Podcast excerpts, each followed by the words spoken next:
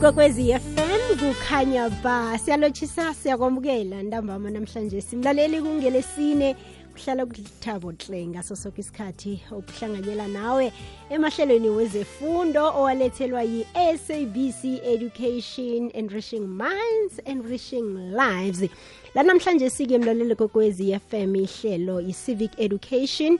Kazi-ke mlaleli sicale lapha-ke eh, i-gpf eh, ulethelwa zimfisela buhle zakwa-gpf i-government employee pension fund.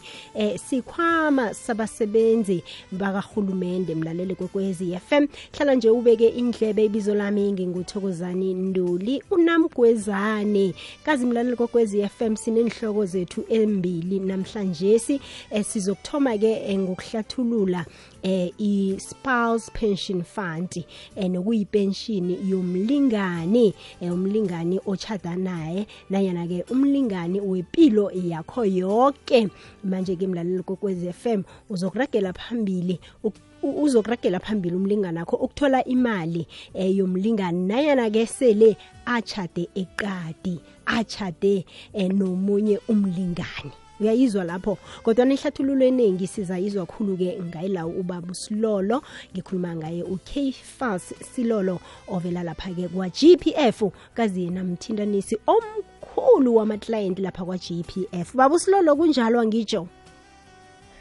Yebo sister k uh, uyisiniya thokoze. Mm. um ngiphinde ngilotshise kuwe sister k ngilotshise futhi nakumlalele kwekwele iye baba usilolo ngithokoze khulu kwamambala ukuthatha isikhathi sakho ukuthi uzoba nathina namhlanje esehleleni lethu lakwa-gpf kanti-ke sinenhloko embili ngihlathululile sokuthoma. Sesibili sizabe sicale ipensheni yomntwana. Kanti-ke mlaleli kokwez FM nawe ngokuhamba kwesikhathi sizokunikela ithuba usidosele umtato. Nange unombuzo eh mayelana-ke nenhloko zethu lezi embili esikhuluma ngazo. Inomboro zethu zomtato zilula hle eh, zithi zithi zona 08611405 kanti-ke godu ungagadangisa nephimbo lakho eh, lapha-ke ku-whatsapp. Inomboro ye-whatsapp ithi 079 2172 angibuyelele godi inomboro zomtato 0861160459 babusilolo asirage nayo njalo-ke sithome-ke ngayo i-spouse pension. Akusitshele bona-ke eh yini ipension yomlingani? Yebo um sister k ekusunguleni kwe-g e p f mayisungula ngomhla ka-one may 1996 enye yama-benefit i-gepf wayifaka ngilesibiza ngokuthi i-spouse pension. Lo kutsho khona ukuthi ilunga laka-gepf malishadile line-spouse. Umlingani ngala ekhaya eh umuntu waka GPF makuthi mhlawumbe uyabhubha sabereka kuya nangesikhathi lesabereke ngaso eh kuyazi kuphuma le mali esibiza ngokuthi isamba 60k bese lo okhona umlingani asasele simnikele sona i-spouse pension eyimali esimholela yona inyanga nenyanga. Kuzofika lesikhathi lesikuthi naye uyandlula emhlabeni. Noma ukuthi umuntu sekathatha emhlala phansi no-GEPF 60k makenza ukuthi eh uyabhubha yena lo ilunga laka-GEPF lithatha emhlala phansi bese kusala sona le spouse. Lo mlingani wakhe siyaphinda simnikele yona le mali esibiza ngokuthi spouse pension azoyihola inyanga nenyanga naye kufika ngaleso sikhathi azodlula ngaso emhlabeni. Yazwakala-ke baba usilolo manje ngiziphi inhlabagelo ezifunekako lapho? Ya uh, loko esikhulu ku-sister k ukuthi eh apply le ubuka ukuthi eh uchadeke kanjani umuntu. Kuba nale mshado sibiza ngokuthi civil marriage. La khona kuba ne-certificate esiqhamuka ngaseka home affairs kube nalo sibiza ngokuthi customary marriage. Nayo i-customary marriage ekesinye isikhathi makuthi iregistarilwe nayo iyaba ne-certificate kepha ma ingaka-registari sifuna le ncwadi yamalobola eh siphinde futhi sibe nele kusibiza ngokuthi i-life partner. Lokuthi abantu bahlale nje isikhathi esingango-three months eh bahlale indawo yodwa le kuya ngemthetho we-constitution yala ekhaya. Eh lapho sizofuna ukuthi kube nama-affidavit kuphinde kugcwaliseke nelifomu esilibiza ngokuthi life partner application form. Lama form kumele akuhambe nale form le application yakhona le libiza ngokuthi i-z one four three ngiso i-spouse pension application form. Kuhambe futhi kufakwe ne-ez 894 leli lasebank kuzongeniswa ama-id i-id kamufi nale id kasespouse esikhona. Uphinde futhi mhlawumbe njengoba ngitshilo ngithi makuthi i-marriage certificate kufake i-marriage certificate kufake ne-death certificate. Makuthi malobola kufake incwadi yamalobola ayile khamba nama-affidavit lisho ukuthi eh bayawazi lo mtshado lo ube khona. Noma kule life partner bafake le-life partner application form. Yile ndlela le enkambiso yo-apply yo-apply sisibike yazwakala-ke baba usilolo akhe usihlathululele-ke eh ngomphumela wokukhutshulwa kwama-benefits kusuka lapha-ke ku-50 percent ukuya ku-75 percent yepensheni yelunga ngenyanga. Ya sithi-ke kuba nalo sikubuza sibiza ngokuthi i-standard option eh lokukhuthula kuhamba ngale ndlela ukuthi ilunga laka-g f naselifikile lithatha khona umhlalaphasi. Liyatsho ukuthi mina njengoba ngithatha umhlalaphansi eh makenze ukuthi ngibhubhe kusale spouse sami ngifuna athole lo 50 percent kule mali bengiyithola na noma ayikhutshulele iye ku-75 percent makuthi umuntu ufuna ukukhuphula from 50 to 75 percent kuba nalokuthi kumele areduce mhlambe ngitsho ngithi ukuphungula aphungule ngala kulo mholo wakhe noma aphungule ngala kulesihamba atholako mase simnikele imali yakhe so lapho kuba nokuthi ilunga ngilo elifaka lesibawo ukuthi eh mina ngimnikela nje 50 percent noma ngifuna ukuyikhuphula. Ma ngiyikhuphula ngiphungula kuphi? Ngiphungula ngala kulo mholo wami noma ngikhumbula la kutholakala khona lesamba engiyosithola okay baba silolo kuyihlathulule kuhleke ukuthi ngiziphi inzathu ezingenza bona umlingani angakhoni ukuhlomula? Ya isizathu lesi ezenza ngale ndlela ngile ngimtshile nga-sixty k eh umuntu makachadekile makuthi amalobola k lamalobola kumele akhambe nama-affidavit. Lama-affidavit sifuna ama-affidavit la yi-three avela kwabobaba sifune nama-affidavit la abuya ngakho boma la atshoyo ukuthi eh laba bayabazi ukuthi bebalobelene and nokuthi bahlala isikhathi esinganani. Ngilo ukuthi ukufuna incwadi yamalobola.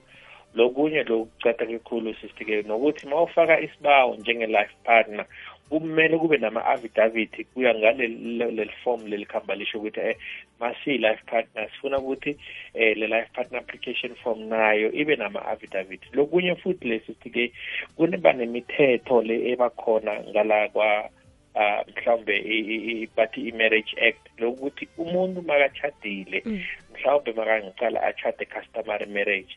Le michado le kumele ilandele le customary kumele kube i-customary marriage. Akuvunyelekanga ukuthi ungachada ngo-customary uphinde ubuye uchade nge-civil. Lokusho ukuthi mhlawumbe umuntu unomlingane noma unabalingane mhlawumbe bawu-two or three kumele ukuthi makuthi bachadekile bachade kuyi-customary eh ilandele njenge-customary lokuthi kube customary and civil nomunye mlingane akasakhona ukuthi angayithola le mali.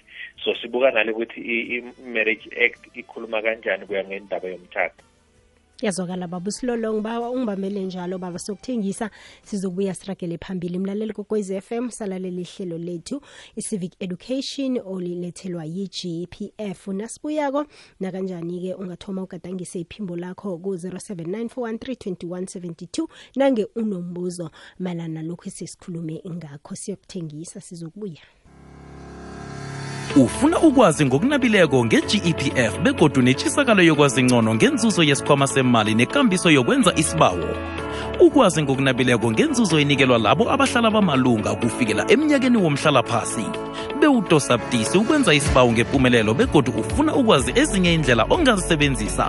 I-gepf ibambisene ne-sabc ukunilethela ilwazi elimayelana nenzuzo engakabhadelwa. Ipentshini yabantwana ipentshini yomlingani ukungezeleleka kwepentshini yomnyaka nobujamo bezemali zesikhwama. Lokhu ngokunye hlangana nelwazi eliningi elimayelana ne-gepf lalela umdlalo womrhatsho owuthandako kukwekwezi fm ukufunda ngokunabileko. I-gepf ibambisene ne-sabc ukusiza ngokufundisa nokwazisa abalaleli. Amalunga athethe umhlalaphasi nabazuzako enzuzweni ekhona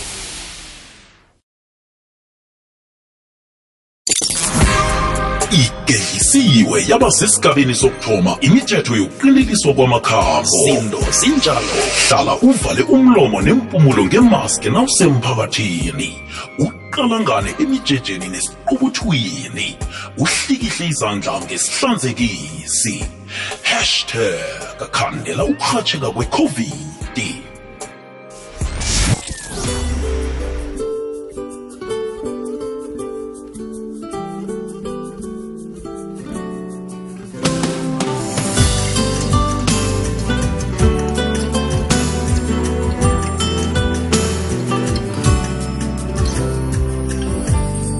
Nekhombako imizuzu ngaphambana kwethe isimbi yechumi mlaleli nosanduvuleni umhatsho siyakwamukela siyakulotshisa ehlelweni lethu i-civic education olethelwa zimfisela buhle ze-gpf ngikhuluma nge-government employee pension fund isikhwama sabasebenzi bakarhulumende sepensheni khambisana-ke nobaba ukefas silolo umthinonisi omkhulu wamaklayenti khona lapha-ke ku-gpf lapha ku-region yempumalanga. Namhlanje sicale eh, isihloko nasizimbili kwakhona i-child pension ne-spouse pension. Penshini yabantwana eh, nanyana yomntwana eh, nepenshini yomlingani. Baba silolo besaqaleke yona-ke ipenshini yomlingani lapha. Ngifuna sithathe umbuzo wethu wokugqina emva kwalokho-ke sicale lapha-ke i-child's pension eh, ukuthi yona iyini. Akhe sicale ukuthi-ke kuyakhonakala-ke ispouse ukuthi-ke sithole eh, inzuzo nanyana-ke eh, sibenefite kabili kupenshini ye-gpf yebo sisike um makenzeka ukuthi mhlawumbe eh, eh, eh, ilunga lelishadile ka-GPF liyabhubha eh, bese kusala le spouse siyathola le pension fund noma le spouse pension. Uh le spouse yakhona futhi ukuthi siphinde sichade futhi nelunga wena sisike makuthi vele sichade nelunga laka-GPF Siyayithola ilunga kuphi? lena nalo malibhubha Mm. siyamgcubekisa simnikele ipension yesibili mhlawumbe mhlawumbe ngwesithathu Mm. nanjalo nje kwakwesithathu noma kuyesine sisike siyamnikela lokuthi mhlawumbe singakubuka ukuthi hey mase sibona ngathi hey, le nto le ngathi ikhamba siyenza kala Inehloso phakathi Mm. la singaqala khona ukuthi hey, sibone ukuthi si-investigate ukubona ukuthi sizwisise ukuthi eh kwenzakalani mhlawumbe ukuthi hawu ngathi umuntu lo ngathi uthakethe abantu Yeyi. baka-government nje Ya, no. sizokubuka khona sifike ngiyakuzwa baba usilolo mlaleli kokwez f m ngathoma usidosela umtato nange unombuzo ku-086 116 0459 ngiyayibuyelela ithi 086 116 0459 ukhumbule godu usebenzisa ne-whatsapp gadangise iphimbo ku-079 2172 ngibona kunomlaleli la oyedwa baba usilolo ngaphake eh, ngaku eh WhatsApp ke sizwe yena ngaphambi bona siyamele msinya embuzweni yethu ye Charles pension okay ke sizomunye godu. Ngiyathokoza mhathi wami. Ngiyamuzwa ubaba usilolo. Ukhuluma into ethetshana mkha into ehle. Mara-ke nginobudisi napho kumfakela lokhu begodi kukukhalima abantu bekhetha ukuthi yabona indaba ukhuluma mhlambe tshachalazi ukuthi uzibereketshana komgede namkha uzibereketshana ukere imali yani yokuhlala namkha yani namkha yepension? Hayi bantu bekosi sekuyingozi khulu sekunenkelemi ezikhamba zingenela abantu abanjalo. Abantu abayitshetshi into leyo mntwana enkosi ngoba bakulandelela nabazi ukuthi ukere imali akuseselula namkha kusesengendlela ethetha abantu abayenzi ibe yinrumba into leyo. mm njengoba ikhulume emhathweni nje inkelemu zilalele bantu bekosi mhlawumbe zithatha amahlelo la ziwenze mhlambe indaba yokuthi bakhambe basazi ukuthi badlelezazela njani abantu. Kanti ngoba nase ukere imali zabo pension zokuhlala nani sebazithi imali leyo ingakuwe uyikereyile nini njani? Manje ngiba ukuthi indaba le yona ithetshane ihlelo elithetsha nokho ngiba ukuthi sikinye nomratha sibuyele nganeno ngoba isitshaba esilalelewa sibe nefihlo kulezi zinto ezifana nalezi. Ungakuhamba ye mhlawumbe ukutshela abantu nobani ukuthi mina ngigere imali ngakakuphi njani nini? Ngiyathokoza ngujabu mahlangu. Okay siyathokoza mahlangu. Umfakela wakho khe sakhuluma ngesihloko la sithi eh, i-gpf iqinisekisa njani ukuthi amalunga nanyana eh, abasebenzi eh, bakahulumende abathola eh, imali evela kwa-gpf baphephile? Eh, babusilolo asiragele phambili-ke nokho bekumfakela kwabamahlangu lapha. Khe sicale iyona i-charles pension ukuthi iyini? Sister K masikhuluma nge nge-Charles pension. Ngomhla ka-1 June 2018 u-GEPF wathatha lesinqumo sokuthi eh ufuna ukuthi sihelebhe sihelebhe especially ma-beneficiaries amalunga e-GEPF singabahelebhi kuphela ngokubanikela mhlawumbe lesamba bese kuyagcina lapho. Thola ukuthi labanye sisike labantwana basesele ngasemva bayafunda baya kuphi kuphi ezikolweni so u-GEPF wathatha isinqumo sokuthi usilethela yona i-Charles pension ngiyo le pension yomntwana.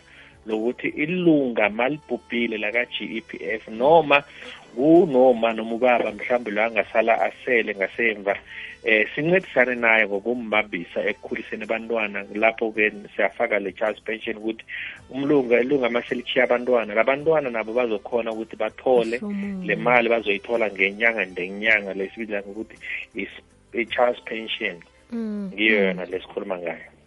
Uzwakele babusilolo ukuthi kuyinto eyathoma ngomhlaka 1 kujuni ngo-1996 kanti-ke ukusuka lapha-ke eh ukuphazamisa lapho sisike 1 June 2018 wow 2018 alright ngiyathokoza ukuyilungisa lapho babusilolo. Manje ukusuka lapha-ke ku-offense pension ukuya ku-charles pension abangelwa yini-ke um la machukuluko yeah um eh offense pension sisike bejame ngalendlela ukuthi eh besithi mangachona ilunga le le pension eh makusasele le spouse lesikhuluma ngayo umlingana asasele ngasemva beyingabi khona imali yalabantwana. Beyiphuma kuphela if aba abazali bonke sebabhubhile wena sisike ubhubhele lunga wabhubha mhlawumbe nespouse kusele abantwana laba sesibancane bangakahlanganisi u-18 noma u-22 makuthi mabasafunda kepha-ke le Charles pension ihlukile ngokuthi mangatshona nje ilunga noma umzali lomunye usesekhona sithi-ke siyabanikela le Charles pension i-offense pension beyithi eh ukhona lo sophila osasekhona ngasemhlabeni makachubeke abanake labantwana. So ihluke ngale ndlela ukuthi lena kutshona nje ilunga siyabanikela le pension. Yazokala manje babusilolo kwenzakalani lokha ilunga eh, nalibhubha mhlambe-ke ngaphambi eh, kwamalanga wokuthoma eh, kokusebenza-ke eh, kwayo-ke ipenshini le nanyana umthetho lo omutsha yebo uh, lo mthetho vele sisithike njengoba ngikhazile kithi yeah. wasungula ngomhlaka 1 june 2018 lo mthetho vele uthi ukuthi eh makuthi wena umzali wakho obhubhile ngaleso sikhathi mhlawumbe bekusa uh, before kufika leso sikhathi mhlawumbe bowuthola le offense pension but eh, masesifika ngomhla ka-1 june 2018 siba nokuthi bayijugulula idlulela nalapho u-charles pension. Kepha-ke kuba nala futhi bangakhona ukuqualifya ngenxa yele date ukuthi umuntu makatshone before le le charles pension isungulwa abakhoni abantwana labasemva ukuthi bangakhona ukuqualifya le charles pension. Ngoba umthetho uyasho ukuthi labaqualifyayo ngilavele ukuthi umuntu wabhubha ngomhla ka-1 june 2018 kufika ngala. Iyazwakala babusilolo 0794132172 nomboro-ke ye-whatsapp. Gadangisa iphimbo nangiwunombuzo njenganje sidoba umlaleli okhona ngapha emtatweni sizwe bona uthini umbuzo wakhe. Kwekwezi siyakwamukela. Akwande. Ninjani? Akwande mna kwethu ninjani alright usilahlekele uza kubuya-ke umlaleli wethu. Khe sicale-ke ngapha ku-whatsapp ukuthi-ke um kujame njani khona mlaleli? Ukhumbule bona umuzi wakho-ke awuhunyeze nje mhlambe-ke ube ngaphasi komzuzu munye. Khe sizwe-ke khona. Lotshani kwekwezini ngiba ukubuza mina kubaba usilolo ngoba nakutshona uma ngo-2007 azange sayithola imali ye-funeral mara ngo-2019 basinikela yakababa yi-7500 ngiba ukubuza neti lapho ukuthi sidlula njani. Ahake yazwakala baba usilolo ngiba simphendule. Yebo asithi ke i-funeral benefit um ngakutsho eh, umthetho ka-funeral benefit ithi ayi-expire 60 k noma umuntu watshonela nini. Uyakhona ukuthi angaqhamuka futhi manje ayifake izomnikela le mali yakhe 60 k so ngiya- ngabatshela ngithi mabachamuke bagcwalise ama-document la ingakalayo bese bathi bakhona ukuyithola le mali. Yazwakala sizomunye godu lotshana emhathweni mina ngisacela ukubuza ukuthi kwenzakala ini ukuthi since i- ubaba umntwana washona 2001 bekateacher e-KZN Vryheid so kusukisela sahamba sayobhalisa le mali sathola ngathola i-letter of authority. Sengibuya nakubo Pitori sengibuya nakuphi ngihlala eMpumalanga. Umntwana sekakhulile soloko namhlanje imali ka-GPSF ayikakaphumi and bekateacher eMpumalanga. Ngiyabonga ngizawulalela emhathweni ahake uzwakela umbuzo baba usilolo Eh kula leminye imibuzo iyahlupha especially makuthi awukhona ukubona ukuthi i-information le khona ngala eh emshinini yethu ijame njani. But ke ngasho ngithi ma kukuthi ukuthi mhlawumbe le letter of authority njengoba bashilo ukuthi iyadingakala if bayithole ngala ngakithi i-information le ngala ngaka GPS 60k bekumele baye ku the master's office noma i-high court. Nguyo i-masters office noma i-high court ekhona kuhelebha abantu ukuthola ama-letter of authority ngoba um makuthi bayayifuna le letter of authority le mali ngeke khona ukuphuma without ukuthi ba-submit yona le letter of authority. Yazwakala-ke baba usilolo-ke alo ehlangothini leli le-charles pension umntwana-ke nakasesemncane eh kukhulunywa nobani eh mhlambe-ke ukuthi-ke akwazi ukuhelebheka yebo uh, kuba nalo muntu esimiza ngokuthi i-guardian. Lo kunguye lo ohlala nabantwana lo mekhasha ukuthi labantwana bayadla bakhona kuya esikolweni. Ngilo muntu ukuthi mase kufakwa lesibawo se-charles pension. Sidinga ngiyagcolisa sidinga ama-banking details akhe kuba ukuthi kuba nguye ugcwalisa leli form le-z eight nine four leli bank form. Ebese-ke sodinga futhi nale a proof of guardianship letter levela kwana mhlawumbe kwa-social development noma kwa-the master of high court. Ngikho lo kumele ukuthi kusubmitheke ku lo mntwana. Siyakwamukela mlaleli akwande. Ikwekwezi yeje Your call has been placed on. right zabuya mlaleli wethu. Zero okay akhe siye la ku-whatsapp msinyana.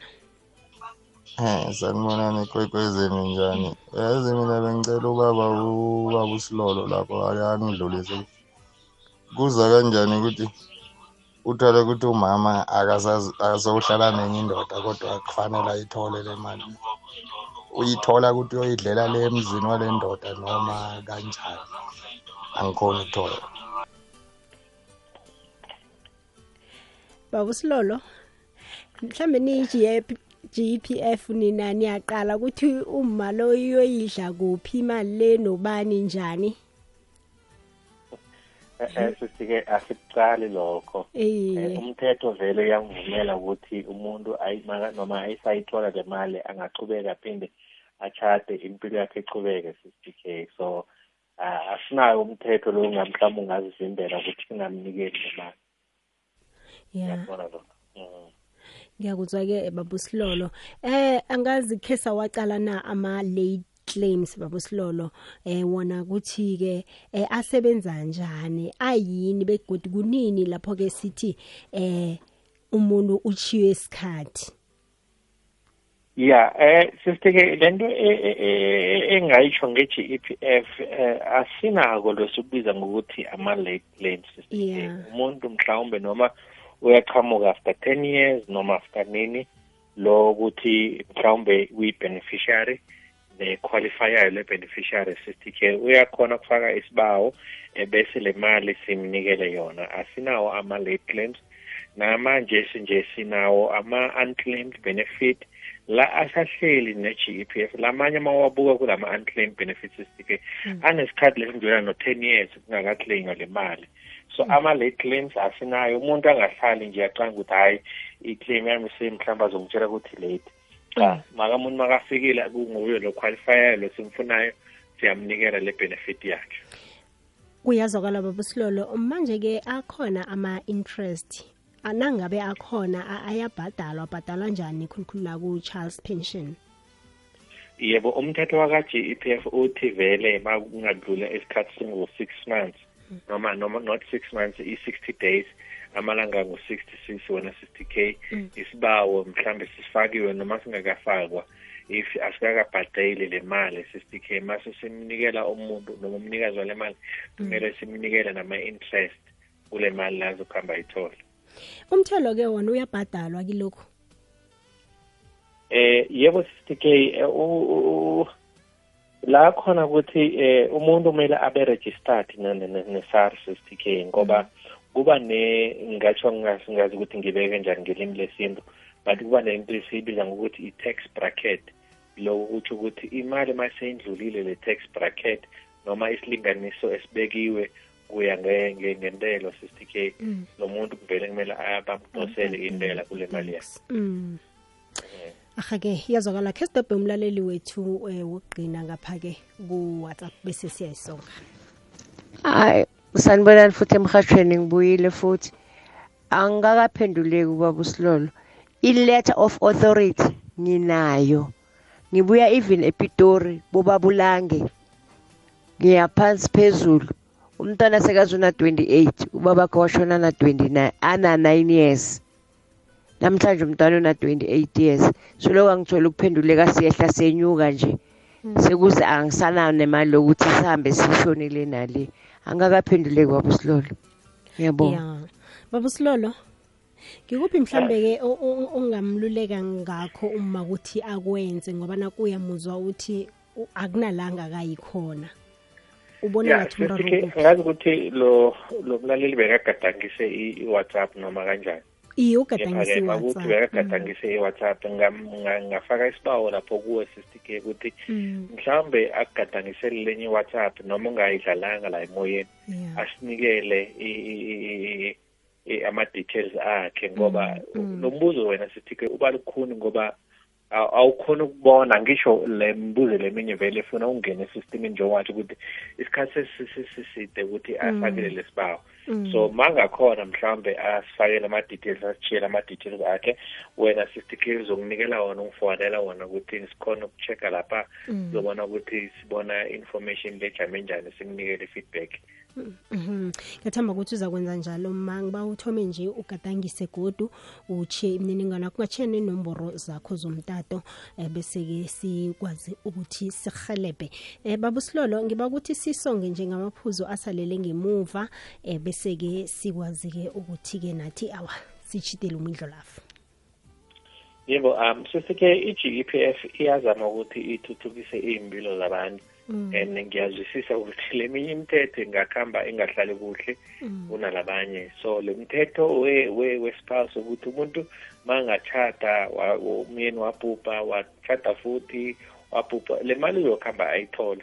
Unless abantu ba- bakhona kubona ukuthi eh lana kunobungozi lobukhamba kwenzakala. Mhlawumbe lo muntu kunento le ayenzayo ukuthola le mali ungafika nalapha kwa-GPF emahhovisini ukuthi uzoreportela ukuthi eh wena ngala uyasola. Kepha-ke asikhoni ukuthi si- si- si- si- si- thina sisithathele nje isinqumo singaka-investigate. Alright um baba usilolo sitshila-ke inomboro zomtato la nitholakala khona njenge-g p f. Ya abantu bangasithinta sisitike inomboro yethu ithi zero eight zero zero one one seven six six nine. 0800117669 noma sisitk basibhalele email email inquiries at gpf co za inquiries at gpf co za. Silolo sithokoze khulu kwamambala ihlathululo yoke osiphe yona ube obuhle. Thokoze sisitike nawe futhi. Ahake mlali kokwezi FM besikhulumisana naye ngubaba uKfas Silolo umthindanisi omkhulu wamaklayenti lapha ku-region yempumalanga ovela khona kwa-GEPF khumbula mlaleli i-GEPF inama-regional se client service center eh kizo zolithoba imfunda ke ezala eSouth Africa kanti-ke eh kwenzele wena bona ke eh ihlangabezane nendingo zakho. Eh ukuthola nje ilwazi elinabileko mlaleli eh ungathindana ke ne-GPF enomboro zomtato ezithi 0 800-117-669 eh kanti godi ke ungabathola laphanyana eh kumzinzolwazi labo eh uthi wena www.gpf.co.za thumele i-email ku-inquiries at gpf.co.za kanti ke lapha ku-twitter uthi at gpf underscore SA silibeka lapha ke ihlelo lethu lanamhlanje sike lakwa GPF hlangana nathi godu iveke ezako. Bizo lami nginguthokozane Nduli. Unamgwezane ngikuchiya no Mindlove Mthombeni. Undiyasi ngiyathokoza. Sithokozile TK kuza kuba njalo godu nangeveke zako nakanjani ukuhambe kuhle TK ahake awuzwe. Ihlelweli bewulethelwa zimfiselabuhle yi-gepf ipentsheni yabasebenzi bombuso ne-sabc education ngokubambisana nekwekwezi fm